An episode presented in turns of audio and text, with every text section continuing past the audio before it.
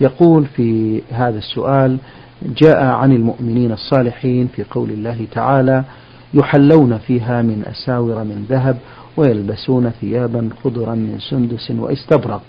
فهل معنى الآية يا فضيلة الشيخ؟ كما فهمت أن المؤمنين يحل لهم الذهب في الآخرة كما يحل لهم آه الخمر في الآخرة نرجو بهذا إفادة. الحمد لله رب العالمين وأصلي وأسلم على نبينا محمد وعلى آله وأصحابه أجمعين. جواب هذا السؤال أن نقول نعم إن المؤمنين في الجنة يحل لهم أن يتحلوا بالذهب واللؤلؤ وأن يلبسوا الحرير وأن يشربوا الخمر وهذا وإن كان محرما في الدنيا لما يترتب عليه. في الدنيا من الانصراف عن عبادة الله تعالى وطاعته بالاشتغال بهذه الأمور. أما في الآخرة فإن الآخرة دار جزاء لا دار تكليف. وإن كان أهل الجنة يسبحون الله عز وجل ويحمدونه ويثنون عليه بما هو أهله على وجه الشكر والمحبة للثناء على الله عز وجل. وقد ذكر الله تعالى في حلية أهل الجنة أنها من لؤلؤ وذهب وفضة. كما قال تعالى وحلوا أساور من فضة. وإذا اجتمعت هذه الأصناف على المكان الذي يتحلى فيه كان لها منظر عجيب. ورونق بديع وهذا من تمام سرورهم ونعيمهم. نسأل الله تعالى أن يجعلنا جميعا منهم بمنه وكرمه. اللهم آمين. جزاكم الله خير. آه، يقول في هذا السؤال أيضا يقوم بعض المصلين بالمصافحة بعد الانتهاء من الصلاة قائلين لبعضهم تقبل الله ويرد الآخر عليهم. فهل لهذا أصل في السنة؟ نعم. هذا ليس له أصل في السنة لا في سنة رسول الله صلى الله عليه وسلم ولا في سنة الخلفاء الراشدين.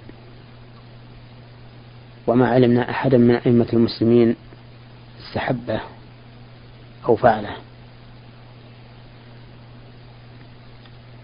وإنما المشروع للإنسان بعد الصلاة الفريضة أن يستغفر الله ثلاثا وأن يقول اللهم أنت السلام ومنك السلام تباركت يا ذا الجلال والإكرام. ثم يأتي بالأذكار الواردة عن رسول الله صلى الله عليه وسلم في هذا المكان. قال الله تعالى فإذا قضيتم الصلاة فاذكروا الله قياما وقعودا وعلى جنوبكم. لكن لو فرض أن شخصا له حاجة إلى أخيه فلما انتهى من التسبيح سلم عليه وتكلم معه في حاجته فإن هذا لا بأس به ولا يعد من مخالفة السنة. نعم. آه، من أسئلته يقول قال الله تبارك وتعالى زي آه، زين للناس حب الشهوات من النساء والبنين. الآية وفي آية أخرى قال تعالى المال والبنون زينة الحياة الدنيا. فهل المقصود بالبنين في الآية الأولى والبنون في الآية الثانية الأولاد عامة أم الذكور خاصة؟ المراد بالبنين في هاتين الآيتين وفي غيرهما أيضا من كلام العرب المراد بهم الذكور فقط لأنه يقال بنون ويقال بنات فالبنات هم النوع الثاني من البشر. والبنين هم النوع الثاني من البشر أيضا فهما نوعان من البشر. قال الله تعالى أم له البنات ولكم البنون.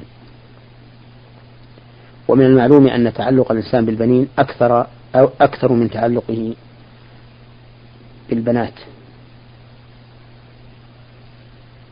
ومع هذا فإنه يجب على الإنسان أن يعدل بين أولاده الذكور والإناث. كما قال النبي عليه الصلاة والسلام اتقوا الله واعدلوا بين أولادكم.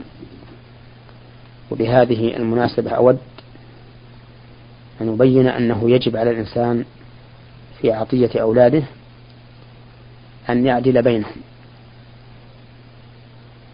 فيعطي الذكر مثل حظ الأنثيين. فإذا أعطى الذكر مئة ريال مثلا فليعطي الأنثى خمسين ريال هذا بالنسبة للعطايا التي هي تبرع محض.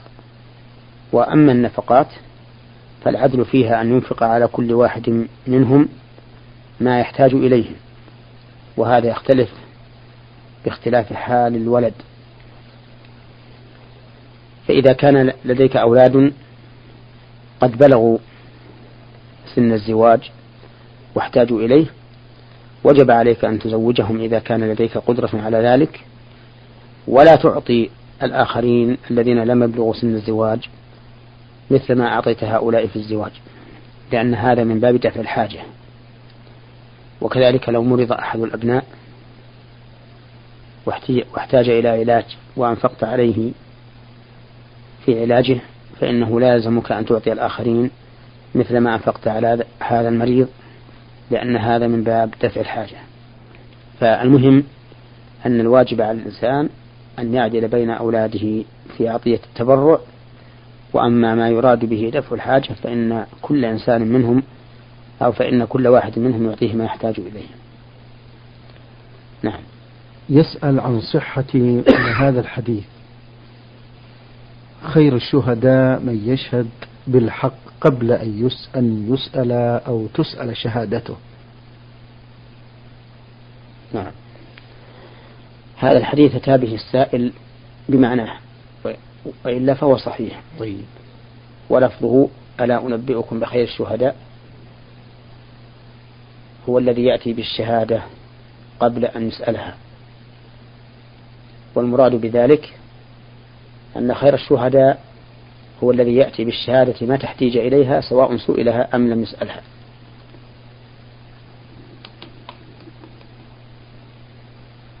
والإنسان قد يشهد بشيء ولا يعلم المشهود له بشهادته.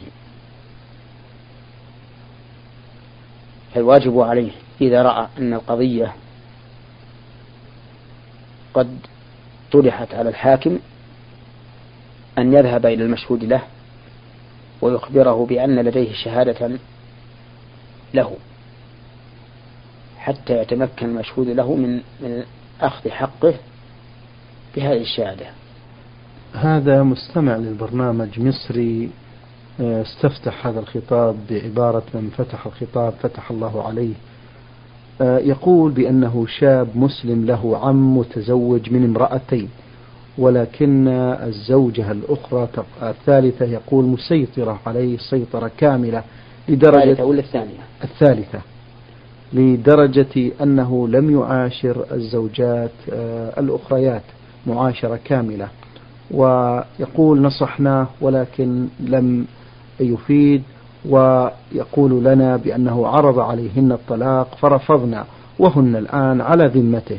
ويقول بأنه بريء من ذمتهن. ما حكم الشرع في هذا مأجوري؟ الواجب على الرجل الذي لديه زوجات متعددات أن يعدل بينهن بما يستطيع. لقول النبي صلى الله عليه وسلم من كانت له امرأتان فمال إلى إحداهما جاء يوم القيامة وشقه مائل. وهذا وعيد شديد على من لم يعدل بين الزوجات. ولكن العدل واجب فيما يتمكن الإنسان من من العدل فيه. أما ما لا يتمكن من العدل فيه كالمحبة فهذا أمره إلى الله ولا يكلف الإنسان به لأن الله لا يكلف نفسا إلا وسعها. وإذا كان الإنسان لا وإذا كان الإنسان لا يستطيع أن يعدل بين الزوجات في القسم الذي كان من العادة إمكان العدل فيه وخيرهن بين البقاء بلا قسم وبين الطلاق فاخترنا البقاء بلا قسم فله ذلك لأن الأمر راجع إليهن وقد اخترنا أن يبقين بلا قسم. ولهذا وهبت سودة بنت زمعة يومها لعائشة رضي الله عنهما فكان النبي صلى الله عليه وسلم يقسم لعائشة يومها ويوم سودة. وإذا رأى الزوج أن أن بقية الزوجات يريدن المحاقة معه وإقامة العدل وكان ذلك شاقا عليه فله أن يطلقهن. إذا لم يخترن البقاء معه. على الوجه الذي يريد. لأن الأمر في الطلاق إلى الزوج. حيث جعله الله حيث جعله الله له لا للمرأة. نعم. آه، من ليبيا مستمع للبرنامج آه، علي يقول في هذا السؤال آه، ابني الكبير لديه منزل من عمله في التجارة فهل لابني الآخر أحقية في هذا المنزل؟ إذا كان هذا المنزل الذي لدى ابنك من عمله هو ومن كسبه هو فليس لأخيه حق فيه لأن كل إنسان له ماله الخاص به. وأما إذا كان هذا البيت مما تفضلت به عليه فإن الواجب عليك أن تتفضل على بقية إخوانه بمثله فإن لم تفعل فالواجب عليك أن ترده وأن تجعل هذا البيت من مالك وإذا قدر عليك الموت صار ميراثا بعدك. آه يقول المستمع علي آه الريش من ليبيا قمنا لصلاة المغرب جماعة وانتهت الصلاة ثم دخل رهط من الناس فأقاموا الصلاة جماعة أيضا مع إمام آخر. فهل صلاة الجماعة الثانية صحيحة أم لا؟ أفيدونا أفادكم الله. نعم. صلاة الجماعة الثانية التي جاءت بعد أن سلم الجماعة الأولى أو التي جاءت بعد أن انتهت الجماعة الأولى من صلاتها صحيحة. فإذا دخل قوم إلى المسجد وقد انتهى الناس من صلاتهم فإنهم يقيمون الجماعة فيما بينهم لأن النبي صلى الله عليه وسلم قال قال في رجل دخل والناس قد صلوا قال ألا رجل يقوم فيتصدق عليه؟ ألا رجل يقوم فيتصدق عليه فقام رجل من الناس فصلى معه. فإقامة الجماعة الثانية بعد الجماعة الأولى تكون على وجهين.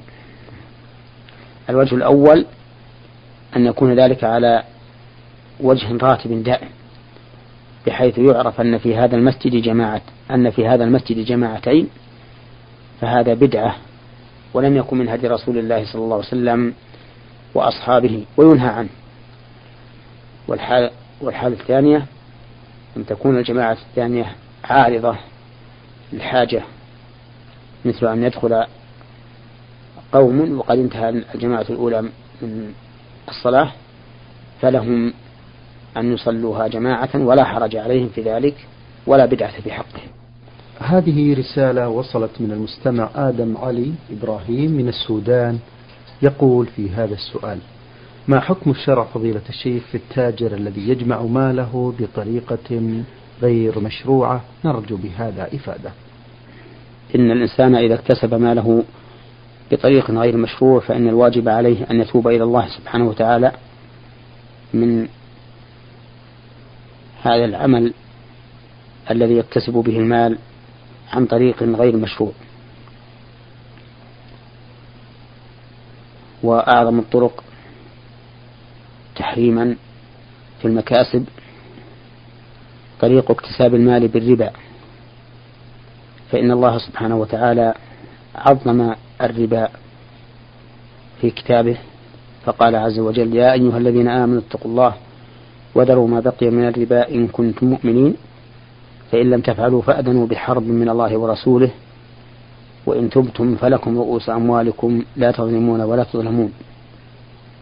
قال فإن لم تفعلوا فأذنوا بحرب من الله ورسوله ومن الذي يستطيع أن يعلن الحرب على الله ورسوله؟ وقال عز وجل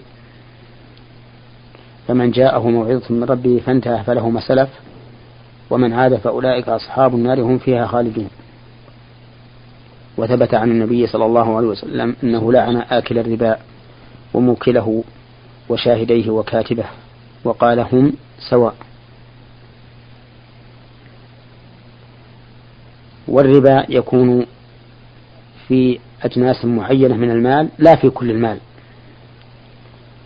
بينها رسول الله صلى الله عليه وسلم في قوله الذهب بالذهب والفضة بالفضة والبر بالبر والتمر بالتمر والشعير بالشعير والملح بالملح. مثلا بمثل سواء بسواء يدا بيد فإذا اختلفت هذه الأصناف فبيعوا كيف شئتم. فالذهب والفضة وما كان بمعناهما هو الذي فيه الربا. وكذلك الأصناف الأربعة الباقية المطعومة المكيلة هي التي فيها الربا. هي وما شابهها في الجنس. وأما ما سوى ذلك فليس فيه ربا ولهذا يجوز للإنسان أن يبدل سيارة بسيارتين أو سيارة بسيارة ودراهم أو بعيرا ببعيرين أو شاة بشاتين أو ما أشبه ذلك مما ليس فيه ربا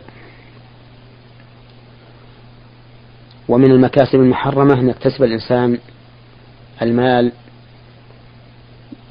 بممارسة بيع وشراء ما لا يجوز مثل أن يتجر بالدخان فإن الدخان محرم لما فيه من الضرر البدني والمالي فإذا اتجر به الإنسان فإن تجاره به محرم وكسبه حرام أيضا. ومن ذلك أن يبيع ما لا يجوز بيعه مثل أن يبيع كلبا أو خنزيرا أو نحو ذلك. ومن هذا أيضا أن يتجر بالخمور والمخدرات وغير هذا من الأشياء التي حرمها الله. فكل من اكتسب شيئا محرما فإن عليه أن يتوب إلى الله من ذلك. ويخرج من ماله مقدار الكسب الحرام. إن علمه فإن لم يعلمه تحرى فأخرج ما تبرأ به ذمته. نعم. آه، الفقرة التالية من هذا السؤال يقول المستمع آدم ما هل ما حكم الشرع أيضا في الورثة الذين يرثون هذا المال الفاسد والذي جمع بطريقة غير شرعية؟ وهل يحل لهم هذا المال ويحق امتلاكه؟ وكيف يزكى هذا المال والذي طال عليه الأمد بدون الزكاة؟ أرجو توضيح ذلك مأجوري.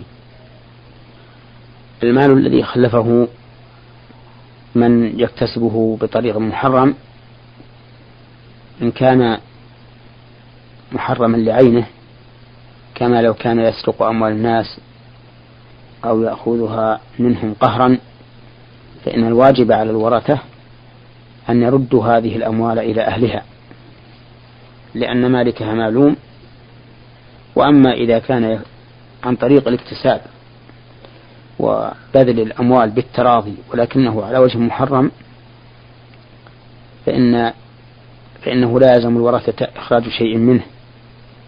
يكون لهم الغن وعلى كاسبه الإثم. وأما الزكاة الواجبة في هذا المال إذا علموا أن مالكه لا يزكيه فإن أهل العلم اختلفوا في ذلك. فمنهم من يقول إنها تؤدى من ماله لأنها حق الفقراء. وحق الفقراء لا يسقط بتفريطه وإهماله أي بتفريط من عليه الزكاة وإهماله. ومن العلماء من قال لا يؤدى عنه لأنه ترك الواجب عليه هو بنفسه ولا ينفعه إذا قضاه عنه غيره. ولكن الأحوط إخراج الزكاة. إذا علمنا أن الموروث لا يزكي. ولكن هذه الزكاة لا تبرأ بها ذمة الميت إذا كان قد صمم وعزم على ألا يزكي لأن ذلك لا ينفعه. ولكنها من أجل تعلق حق المستحقين بها تخرج. وهذا هو رأي جمهور أهل العلم. نعم. المستمع خاء واو شين من العراق محافظة واسط يسأل هذا السؤال ويقول المؤمن الذي يحافظ على الصلوات المكتوبات ولكنه لا يحافظ على السنن والنوافل هل يكون آثما بذلك؟ إذا حافظ الإنسان على الصلوات المفروضة وترك رواتبها وسننها فإنه لا يكون آثما بذلك. لأن النبي صلى الله عليه وسلم بعث معاذا إلى اليمن في آخر حياته عليه الصلاة والسلام وقال له أخبرهم أن الله افترض عليهم خمس صلوات في كل يوم وليلة ولم يذكر سوى هذه الخمس. فدل هذا على أن ما عداها سنة وليس بواجب. فإذا ترك الإنسان رواتب الفرائض فليس بآثم.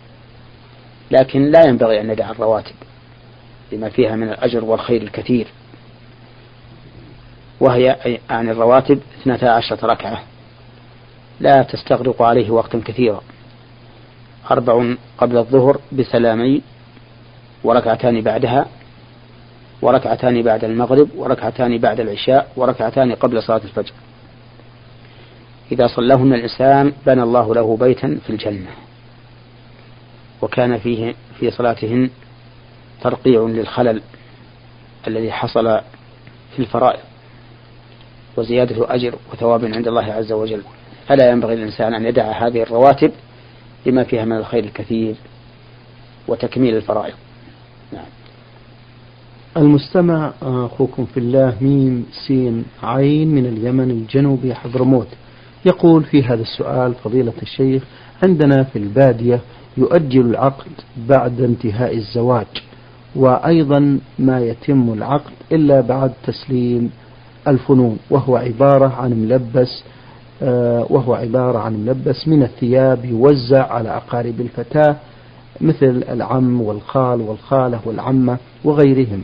والآن عوض بدلا من الملبس بالفلوس وبعد العقد يقوم الزوج والزوجة بتوزيع الفنون المذكورة على على الأقارب ويعطيهم الأقارب تقريبا ما يعادل هذه القيمة من الغنم فما حكم هذا العمل؟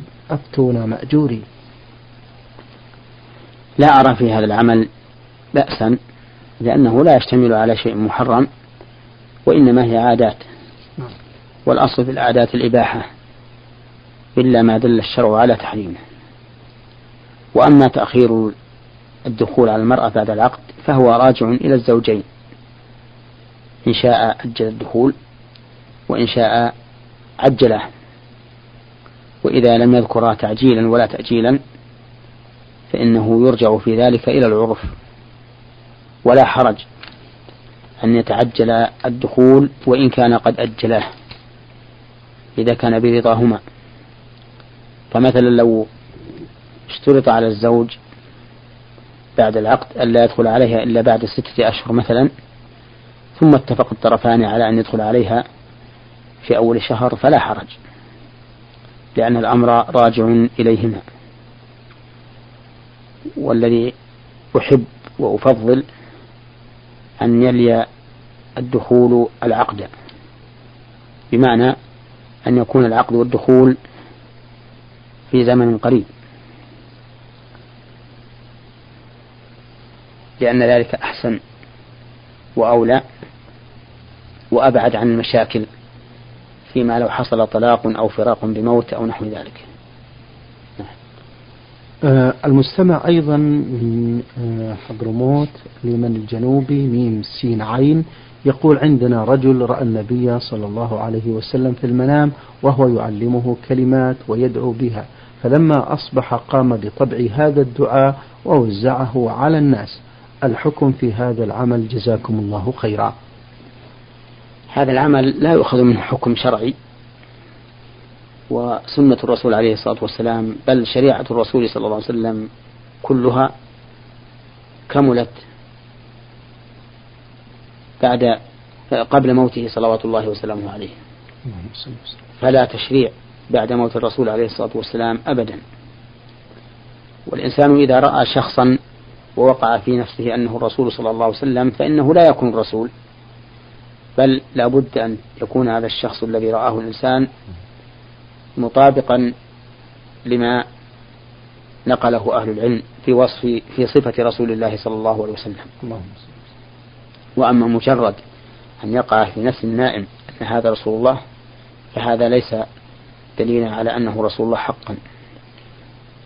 ثم إن هذا الدعاء الذي ادعاه هذا المدعي إن كان قد جاءت إن كان قد جاءت به السنة فهو سنة من قبل وإن كانت السنة لم تأتي به فلا يجوز أن يطبعه ويوزعه لأنه لا تشريع بعد وفاة الرسول صلوات الله وسلامه عليه نعم. أيضا المستمع يقول رجل يعمل سائق في إحدى المؤسسات الحكومية وعمله متنقل من منطقة إلى منطقة والمسافة من المنطقة الأولى إلى المنطقة الثانية تقريبا يوم وليلة. السؤال يقول هل يجوز له أن يقصر من الصلاة؟ إذا كانت المسافة ما ذكر يوما وليلة في السيارة فلا شك أنه يقصر. نعم. الصلاة إذا سافر إلى البلد الثاني ولكن إذا كان في البلد وسمع الأذان فلا بد أن يجيب. فإن المسافر لا تسقط عنه صلاة الجماعة. بل قد أمر الله عز وجل نبيه صلى الله عليه وسلم إذا كان فيهم في الجهاد في سبيل الله أن تقوم طائفة من المصلين معه. على ما ذكر الله تعالى في سورة النساء. وهذا يدل على أن صلاة الجماعة لا تسقط في حال الخوف وحال السفر. فيجب على الإنسان إذا سمع النداء وهو في بلد قد سافر إليها أن يحضر إلى المسجد ويصلي مع الناس. لكن لو فرض أنه كان بعيدا عن المسجد أو أن الصلاة فاتته فإن له أن يصلي الرباعية ركعتين ويقصر الصلاة لأنه في سفر. نعم. شكر الله لكم فضيلة الشيخ وبارك فيكم على ما بينتم لنا وللإخوة المستمعين الكرام. إخوتنا الأكارم أجاب على أسئلتكم فضيلة الشيخ محمد بن صالح.